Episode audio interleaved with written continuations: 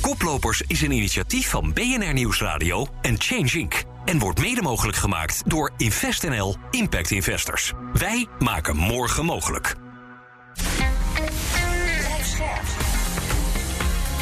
BNR Nieuwsradio. Koplopers. Donatello Piras en Werner Schouten. Je luistert naar Koplopers, een programma over duurzame innovaties... waarin we geen enkele uitdaging uit de weg gaan. Gemaakt in samenwerking met Change Inc. Mijn naam is Donatello Piras en samen met klimaatexpert Werner Schouten... zoek ik oplossingen die bijdragen aan de duurzame wereld van morgen. Wil je elke week een heads-up als er weer een nieuwe Koplopers beschikbaar is? Abonneer je dan gratis op onze podcast in jouw favoriete podcast-app. Met vandaag duurzaam openbaar bussenvoer... hoe het OV na een flinke dip in de coronacrisis nu keihard moet terugslaan met duurzame ambities. Nu de coronasteun voor de OV-bedrijven wegvalt, maar niet iedereen de auto weer op de oprit laat staan, dreigen nog meer buslijnen in buitengebieden onrendabel te worden. Ja, en dan trekt het kabinet vanaf dit jaar 40 miljoen euro uit voor bussen op elektriciteit of waterstof. Ja, die geldpot mag dan nog helemaal vol zitten en het openbaar vervoer is zo goed als leeg. Er wordt een run verwacht optiesubsidie. Er zijn veel verschillende redenen om na te denken over slimmere en vooral zuinige manieren van vervoer. Ja, dan gaan we eerst even naar het eh, klimaatnieuws. Werner, heb jij nog nieuws meegenomen? Ja, ik heb dit keer eh, klimaatnieuws met een wat persoonlijke noot. Aan de start van de eh, oorlog in Oekraïne ben ik met onder andere Marjan Minnesma het initiatief Stop Gazprom gestart. Omdat 120 gemeenten hun gas bij eh Gazprom vandaan halen. En daar hebben we 85.000 handtekeningen mee opgehaald. En die hebben we afgelopen week ook aan minister Jette overhandigd. Ja. En nu heeft minister Jette ook afgelopen week aangekondigd dat alle gemeenten voor oktober hun contract met Gazprom moeten hebben beëindigd. Kijk, Kijk, dus concreet resultaat. eh, boter bij de vis zou ik zeggen. Zeker, ja, mooi nieuws dus. En, en, mooi nieuws. en meer, meer nieuws vanuit eh, Politiek Den Haag. Ja. Wordt deze dagen namelijk gesproken over de lange termijn investeringen in mobiliteit. En Natuur en Milieu, de milieuorganisatie, roept nu op dat de overheid eigenlijk moet stoppen met het investeren in meer asfalt. Volgens hen lost meer asfalt het fileprobleem namelijk nooit op. In plaats daarvan moet er meer worden geïnvesteerd in OV, in thuiswerken en moet er een stevige kilometerheffing komen. Dat is goed voor het klimaat, voor het milieu, voor lagere overheidsuitgaven en ook meer ruimte voor woningbouw. Ja, en je, je, je, je noemt dit nieuws. Ik neem aan dat je het eh, daarmee eens bent. Zeker. Oh, oké, ja, precies. Ja, ik denk dat de, overstap van de auto naar het OV is natuurlijk wel een, een stap waar we al jaren over spreken. Maar nu is echt handen en voeten aan moeten gaan geven. Ja, en over dat OV gesproken bij ons in de studio is Thea de Vries. De secretaris-directeur van de vervoerregio Amsterdam. En dat is dan weer een samenwerkingsverband van 14 gemeenten in de regio Amsterdam. Met als focus uiteraard het verkeer en het openbaar vervoer. En ze is bij ons. Welkom Thea. Hi. Ja, wat doet de vervoerregio Amsterdam nou precies voor de luisteraar die dat niet helemaal helder heeft? Nou, de vervoerregio zorgt voor alle eh, mobiliteit in, eh, voor die 14 gemeentes. En we zijn eh, opdrachtgever voor het openbaar vervoer. En we zorgen ook voor het beheer en onderhoud bijvoorbeeld van de railinfrastructuur in deze regio. En tegelijkertijd maken we beleid voor de 14 gemeenten, omdat mobiliteit nou eenmaal niet stopt Nee. bij de grens van de gemeente. Je gaat er altijd overheen. Ja. Dus dat kun je maar beter samen doen. En gaat de regio Amsterdam dan ook stoppen met investeren in asfalt? Zoals we, laten we zeggen, uit het nieuws uit de Tweede Kamer horen dat dat in ieder geval een advies is? Nou, daar gaat, daar gaat natuurlijk eh, eh, de vervoerregio niet over. Hè? Dat is aan de gemeente zelf. Kijk, wat wij wel doen samen met de gemeente is heel nauw samenwerken over hoe kun je nou die ruimte hè, en het netwerk zo goed mogelijk gebruiken. Dus natuurlijk, eh, asfalt is ook nodig voor bussen of fietsen of. Ja. Hè, ik bedoel, de We grote. niet eh, 100% zonder asfalt. Zeker Dat- niet. Dat is ook, maar investeren in asfalt betekent natuurlijk dat je zegt van nou ja, dat is dan de oplossing voor. Terwijl er natuurlijk een heleboel alternatieven zijn. Ja, ik, ik geloof zelf dat je heel goed moet kijken hoe je het. eh, beschikbare ruimte en de beschikbare netwerk, dus ook het, het wegennetwerk, Ja. efficiënt en duurzaam inzetten. En per definitie is eh, in stedelijk gebied de auto dan eh, een grote ruimteinnemer. En, eh, En hoe, lang is, hoe belangrijk is duurzaamheid dan in jullie activiteiten? Nou, het is een van onze speerpunten. Hè, in de, eh, overigens niet alleen van de vervoerregio, maar ook in de metropoolregio aan zich. Hè. Het gaat over duurzaam verbinden. Ehm, hè, dus ook duurzame mobiliteit staat wat ons betreft bovenaan. Dat is ja, het is eigenlijk ook gewoon een, een, no-brainer eh, tegenwoordig, zou ik zeggen. Want eh, we wonen met veel mensen op een klein gebied. Dat betekent eh, schone lucht is belangrijk. Handig omgaan met de ruimte is eh, eh, cruciaal. Maar nu zag ik op, eh, op een website CO2 in het OV dat vervoerregio Amsterdam toch nog een beetje in de achterhoede zit op het gebied van CO2-uitstoot in vergelijking met de andere vervoerregio's. Dus die ambitie komt daar nog niet helemaal uit de cijfers naar voren. Of Nou, ja, het verbaast me, maar ik kan die cijfers niet helemaal matchen, eerlijk gezegd. Ik denk dat we. ik weet dat wij qua zero-emissie vervoer, openbaar vervoer, lopen we echt voorop. Hè? En eh, dus misschien als je in de breedte eh, kijkt, dan, eh, dan zal de CO2-uitstoot natuurlijk in deze regio is niet klein. Want jullie bedoel, hebben deze week nog veel elektrische bussen in gebruik genomen. we hebben las ik. 111 eh, elektrische bussen. Dat is zo'n 40% van het geheel eh, inmiddels in de Amsterdam-Meerland-regio in gebruik genomen. En daar is nou ja, eigenlijk aan de zuidkant van Amsterdam inmiddels eh 86% van het OV gewoon schoon. Kijk, dat is meters maken. Nu, Dat is meters maken, ja. nu eh, zit je met die vervoerregio Amsterdam ehm, ook wel voor een uitdaging, lijkt me. Want als we even teruggaan naar de COVID-periode... ja, toen zat er natuurlijk geen hond eh, in het openbaar vervoer. Veel impact op de OV-sector. Als we nou gaan kijken naar... Naar, naar de uitdagingen om de transitie te versnellen, post-COVID, om het zo te zeggen. Ehm, ehm, hoe, hoe geven jullie daar vorm aan eigenlijk? Nou, we, we doen eigenlijk een paar dingen tegelijk. Hè. Na COVID, het allerbelangrijkste is dat het huidige openbaar vervoernetwerk gewoon door kan. Ja. Hè, we hebben een goed netwerk. Mensen kunnen eh, in onze regio heb je eigenlijk binnen eh, een redelijke straal altijd een openbaar vervoerverbinding bij de hand. Hè. En dat, eh, nou, dat wil je in elk geval behouden, zodat mensen mogelijkheid hebben om te kiezen en die auto laten staan. Dus dat is eigenlijk één, eh, één stap die je kan zetten. Tweede is eh, zorgen dat, dat door heel gericht beleid dat ook wordt gestimuleerd. Dus dan moet je denken aan mobility as a service oplossingen, maar ook bijvoorbeeld wat Amsterdam doet, autoluwe binnenstad. Ja, als je auto niet kwijt kan, dan kies je voor wat anders. Maar wij zorgen dus dat die alternatieven er ook zijn. Ja. Ja, precies. Want als die alternatieven er niet zijn, dan kun je wel dingen autoluw maken. Maar ja, dan, dan gaan mensen weer andere oplossingen zoeken. Dus dat is ook. Nu bieden jullie ook een tussenlening aan. Vervoerders voor de aanschaf van elektrische bussen. Ehm, straks hebben we bussenproducent eBusco te gast. Ehm, die hebben dan een financieel slecht jaar achter de rug, helaas. Ehm, als we gaan kijken naar de elektrificatie van bussen voor jullie, voor de vervoerder, hoe belangrijk is dat? Ja, het is eh, een van onze topprioriteiten. Een van de topprioriteiten. Ja. En hoe, hoe geven jullie dat gestalte? Nou, we hebben bijvoorbeeld nu, eh, eind van deze maand, wordt een nieuwe concessie voor Zaanstreek Waterland eh, gegund. Hè. Dat is een van de grootste openbaar vervoerconcessies eh, van Nederland. Voor het streekvervoer. Daar hebben we als topeis ingezet. dat moet 100% eh, zero-emissie.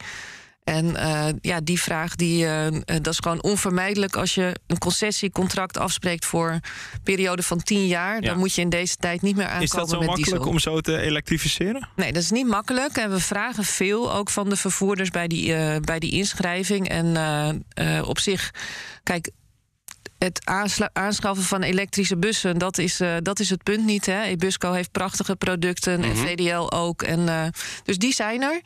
Het eh, beschikbaar hebben van eh, voldoende capaciteit op het energienetwerk, dat is het grote eh, dilemma op dit moment. En daar moeten we heel creatief mee En omgaan daar in onze jullie de regio. vervoerders dan dus ook bij. Daar proberen we bij te helpen. We dagen de markt natuurlijk ook uit om daar gewoon creatief in te zijn. Maar wat ik dan nog wel afvraag, is busvervoer nog wel van deze tijd? Je noemde net ook al mobility as a service. Ik hou er ook nog wel eens van om een elektrische deelauto te nemen. Je hebt steeds vaker de OV-fiets, die ook steeds wordt. Trekt allemaal mensen, ook blijkt uit onderzoek, uit de bus. En niet zozeer uit de auto. Dus is dat niet juist een. Ja, is de bus eigenlijk nog wel relevant op de lange termijn? Ja, de bus is super relevant wat mij betreft. Hè? Wat je eh, in andere delen van de wereld ziet... en waar wij ook echt eh, op dit moment heel actief over nadenken... dat is meer het bus rapid transit eh, systeem. Dat, is, de, dat zijn snelle bussen tussen snelle steden, hè? bussen. Dus Ja. dan moet je eigenlijk na, dan krijg je eigenlijk een soort metro-netwerk hè, met eh, eh, niet heel veel kleine stops, maar gewoon lange lijnen, eh, snel vervoer. Eh, we gaan nu bijvoorbeeld tussen Haarlem en Amsterdam daar eh, eh, naar kijken. Dus, dus ja, maak je eigenlijk een product waar mensen kunnen instappen. Ja. Eh, bij een hub uitkomen, dan op die fiets eh, stappen. Maar jij gaat ook geen 30 kilometer eh, fietsen als je naar kantoor eh Wanneer gaat. kunnen we in die bus stappen, zo'n bus rapid transit tussen Haarlem Nou, en- komende jaren, denk ik. Oké. Ah, nog tot, blijf ik ook nog eventjes over, laten we zeggen, eh, de vraag... hoe krijgen we nou dat woon-werkverkeer nou in die bus? Ehm, als, je, als je gaat kijken... ook in de COVID-crisis, een van de gevolgen was dat mensen zeiden: ja, ik koop gewoon een tweedehands auto. Ga ik daarin zitten? Ehm, ja, die gaan niet zo snel, want nu staat dat ding daar. Die gaan niet zo snel weer terug bij jou. Ja, dat is, heel, dat is echt heel jammer. En Dus, wat kun je eh, daar dan aan doen? Nou ja, de, de sector en, eh, en wij, hè, dus eigenlijk de vervoerders, zullen Ja. het product eh, gewoon echt aantrekkelijk moeten maken. En hoe doe je dat? Wat is nou, Nou voor ja, mij de- als, als reiziger echt aantrekkelijk? Nou, een goedkope kaartje. Oké. Dus wat, eh, wat wij heel teleurstellend vonden, is dat de accijns op eh, benzine naar beneden zijn gegaan, maar dat het niet tegelijk aan de knop voor het openbaar vervoer eh, gedraaid is. Je kunt ook iets anders doen. Je kunt ook zeggen: ik wil. Eh, de prijs van eh, eh, de accijns gewoon hetzelfde houden. Maar ik haal de belasting van het OV-kaartje af, waardoor mensen een andere keuze maken. Dat is duurzaam. Zijn jullie ook op de trom gaan slaan toen de accijnsen van de benzine naar beneden gingen... dat ook het openbaar vervoerstuk goedkoper moest worden? Want ik heb daar niks eigenlijk over gehoord vanuit. Nou, nog niet hard genoeg. Dus dat is, daar zijn we wel mee bezig. Maar we vinden ook dat we dan met een goed voorstel moeten komen. Hè. Ik bedoel, alleen maar zeggen dat je het niet oké vindt, dat is geen oplossing. Dus er wordt eh, ondertussen wel gewerkt aan alternatieven. En ja, wat ik natuurlijk eerder ook wel heb gezegd, eh, en dat, dat heb je misschien wel voorbij zien komen. Andere eh, Europese landen komen met een klimaatkaartje. Of wat Duitsland op dit moment doet, drie maanden lang voor 9 euro in het OV. Ja, dan laat je mensen ook zien wat een, fijn, wat een fijne reis je eigenlijk met een bus kan, Ja. kan maken. maar dat is of met de trein. makkelijk om voor te stellen en door te Het voeren. is dus ontzettend duur. En je hebt gisteren gezien dat het, eh, nou ja, de steun voor het openbaar vervoer, het vangnet, dat is nog een kwartaal. En volgend jaar op eigen benen wordt al eh, pittig genoeg. Ja, dat is een uitdaging. Laten we toch nog even aan het einde van dit gesprek even dromen, even de ogen dicht. Welke rol heeft het OV in een stad of in een wijk, in een grote met, met weinig parkeerplaatsen, wat we steeds meer gaan zien in grote steden, te vervullen?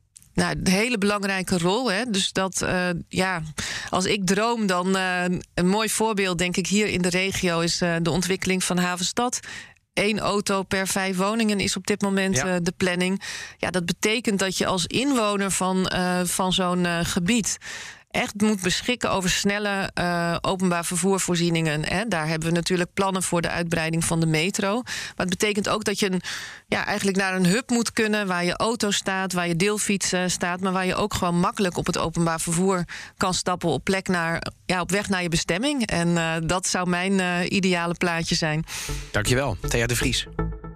Ja, het blijft dus echt een worsteling om die mens uit de auto in de bus te krijgen. Maar dat bus rapid transit systeem, hè, Ja. dat je gewoon een snelle bus tussen steden hebt... en misschien wel gewoon één baan op de snelweg vrijhoudt voor alleen bussen... dan verhoog je de capaciteit van de snelweg... en kan je dus heel duurzaam en heel snel van stad naar stad reizen. En dan Ja. kan je heel snel uitbouwen. Ja, en het enige waar ik dan aan denk, dan zit ik in die auto en dan zie ik dat gebeuren. Ik denk dat, dan zit ik namelijk sta ik nog meer in de file. Want één busbaan, één baan eraf is funest. Daar stimuleer je dus ook meteen mee dat mensen misschien wel in die bus gaan zitten. Ja, misschien is dat wel goed. Want eh, hè, wat Natuur en Milieu ook zegt... meer asfalt is niet altijd de oplossing voor minder file. Nee, zeker niet.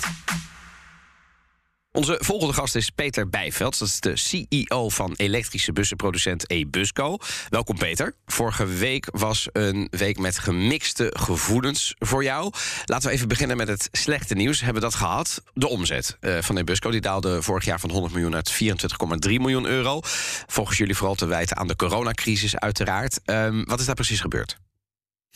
Nou, dat is eigenlijk relatief simpel. Hè. Ehm, zoals jullie waarschijnlijk weten, is natuurlijk in de coronatijd is het, eh, is het OV in het slechtste moment met 90% gegaan. Ja. Met als gevolg dat ehm, alle tenders die gepland stonden, eh, hè, zoals je door heel Nederland eh, die ieder jaar één of twee hebt voor over een bepaald gebied, om een nieuwe concessie aan te besteden en daarvoor dus ook het materieel te bestellen, wat wij dus leveren, de elektrische bussen, dat die gecanceld zijn of in ieder geval anderhalf, twee jaar zijn opgeschoven. Ja. Dus daardoor hebben wij een, eh, ja, zijn er geen tenders geweest en is onze omzet natuurlijk in elkaar gezakt. Ja. En aan de andere kant zijn wij wel vol door blijven bouwen aan de organisatie, omdat we wel echt zien dat eh, die, die hoos aan bussen eh, er wel aankomt. Hè. Dus de bussen die toen niet getenderd zijn, eh, het is niet zo dat die, dat die niet vervangen moeten worden, alleen het gebeurt iets later in de tijd. Ja.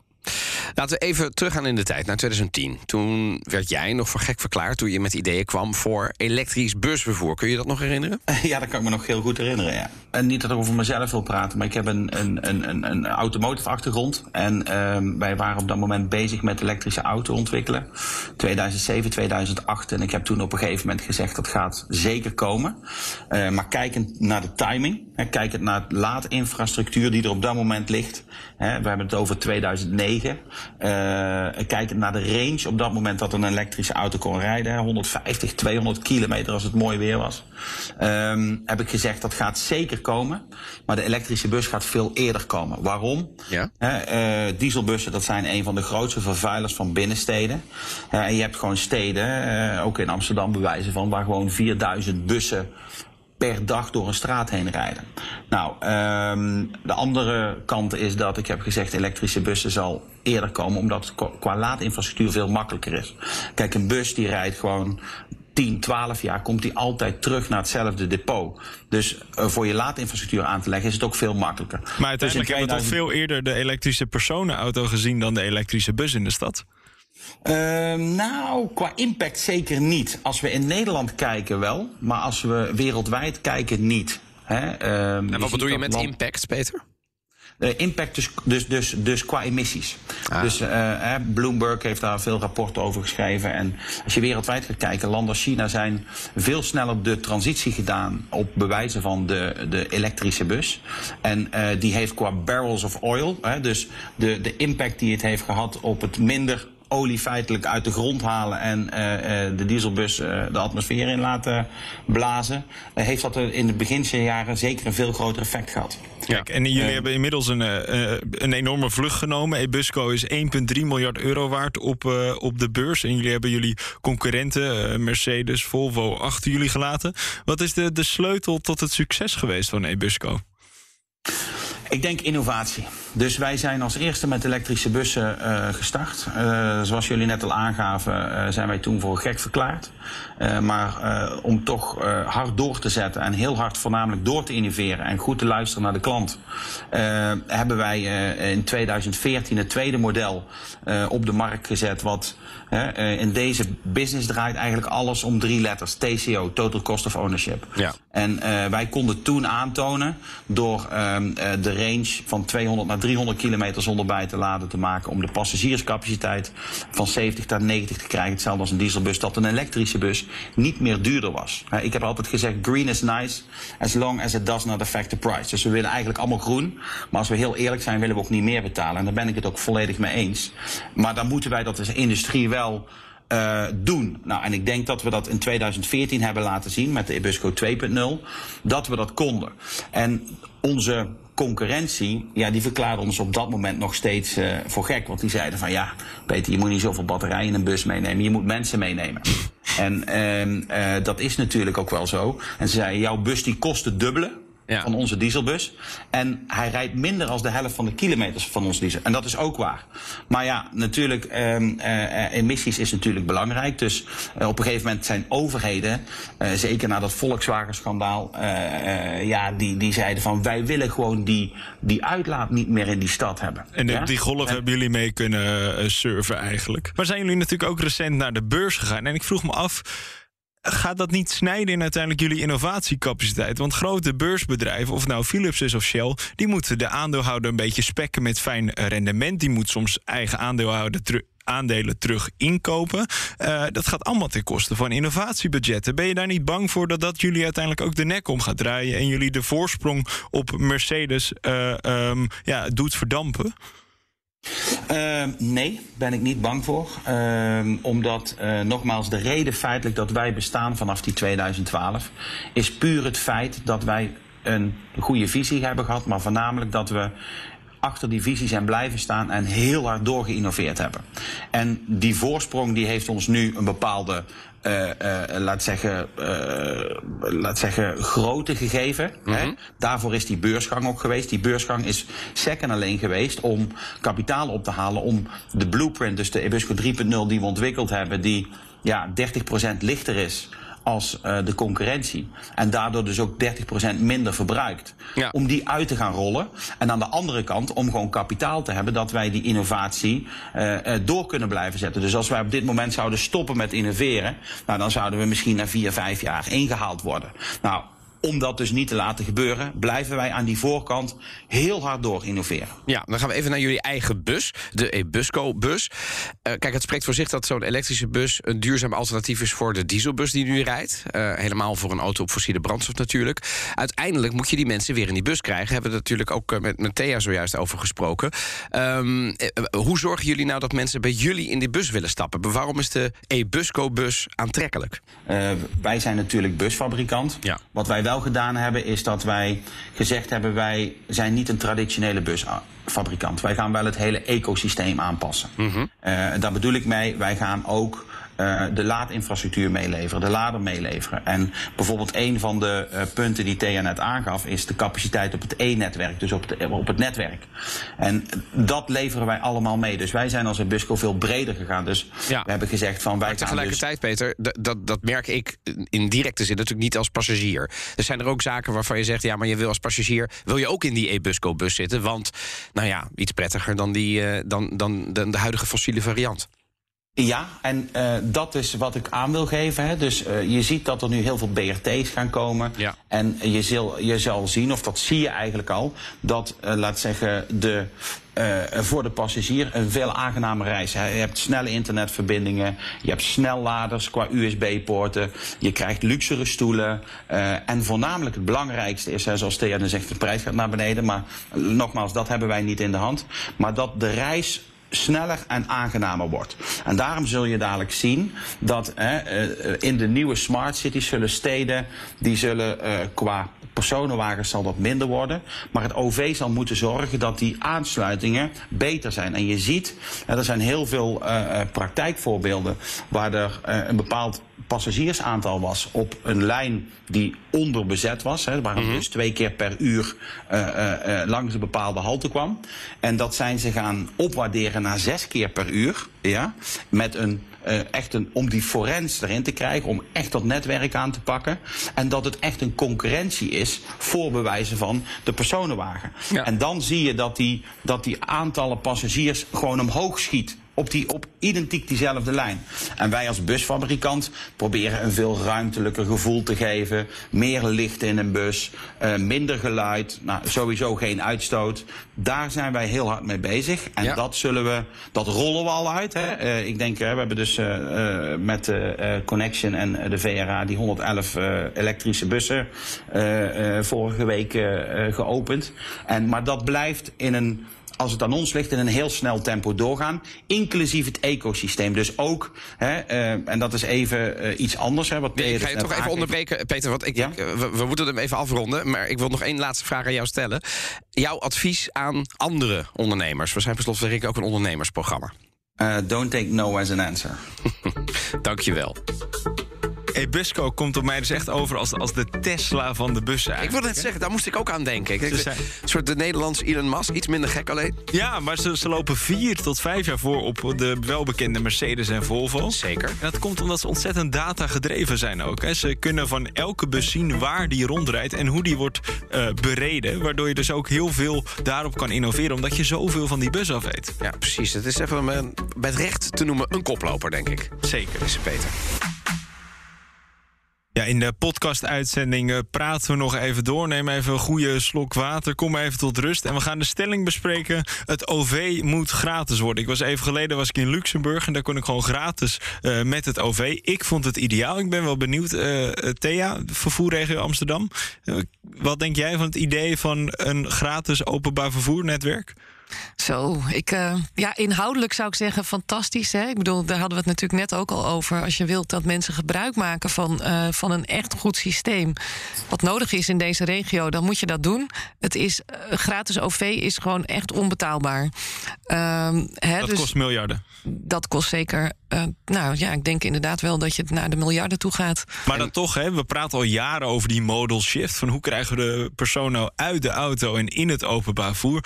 Wat is er dan misschien naast een lagere prijs voor een ticket, niet helemaal gratis, wel nodig, additioneel om die mensen in de bus en in de trein te krijgen? Nou, ik denk dat we het er net ook even over hebben gehad. Hè. Het, uh, het moet makkelijk uh, worden en prettig. Hè. Voorheen was eigenlijk altijd wel het het, het allerbelangrijkste van goh, als ik maar snel kan. Ik denk dat mensen tegenwoordig ook op zoek zijn naar wat anders. Dat is namelijk comfort. En dat betekent uh, ook een comfort in overstappen bijvoorbeeld. En wij weten dat uh, nou, de gemiddelde reiziger vindt één keer overstappen al best vervelend.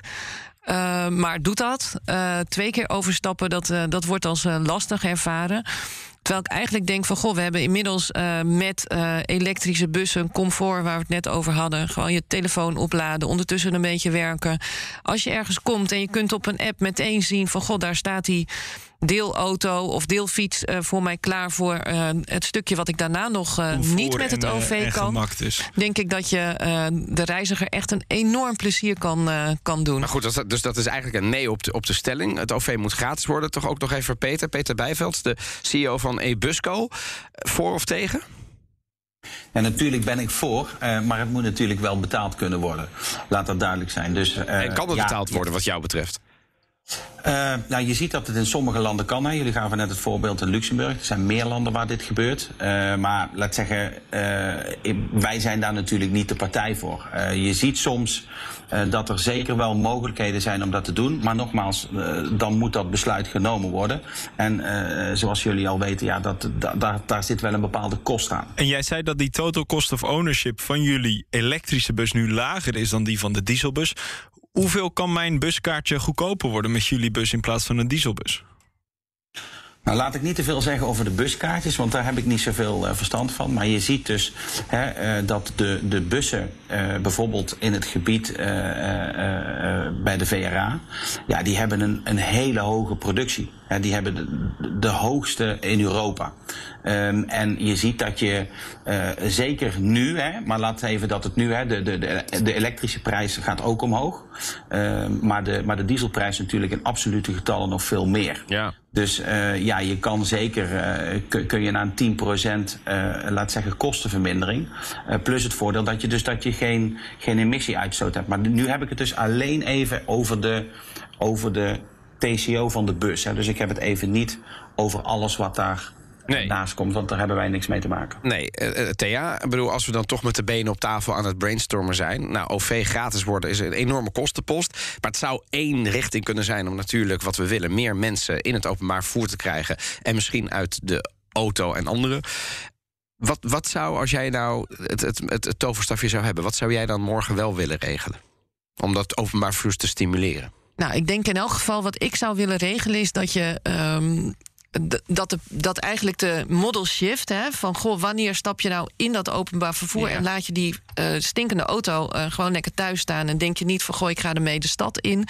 Dat je uh, daar gewoon een eerlijk systeem op zet. Dat mensen die keuze niet. Ik bedoel, op dit moment is het nog voor veel mensen niet alleen comf meer comfortabel, maar ook goedkoper. Als ze met hun gezin ergens naartoe willen, dan moet je, ja, dan kun je beter met de auto gaan. En eigenlijk stimuleren we in Nederland door ja, door het prijssysteem en ook door het belastingssysteem uh, uh, daarin. Terwijl ik denk van ja, als je wilt dat het schoon en uh, duurzaam is, dan zul je ook aan die kant moeten zorgen dat moeten draaien. Ja, dat je gewoon zorgt eerlijk dat beprijzen dus van eerlijk beprijzen. Ja. Hè, en dat zit. Um, nou, ik denk ook dat je dan naar bijvoorbeeld woon-werkverkeer kan kijken. Hoe is dat geregeld? Als je een leaseauto ja. hebt, dan krijg je veel voordeel, persoonlijk voordeel en comfort. Maar we hebben niet zo'n systeem voor het OV-kaartje bijvoorbeeld. Ja, dankjewel. Thea de Vries en Peter Bijvelds. Dank voor het luisteren. Dit was de podcast van Koplopers van deze week. En volgende week, maandag om half vier, staat er weer een hele nieuwe voor je klaar. Koplopers is een initiatief van BNR Nieuwsradio en Change Inc. En wordt mede mogelijk gemaakt door ASR. Voor al uw duurzame zakelijke verzekeringen. ASR doet het.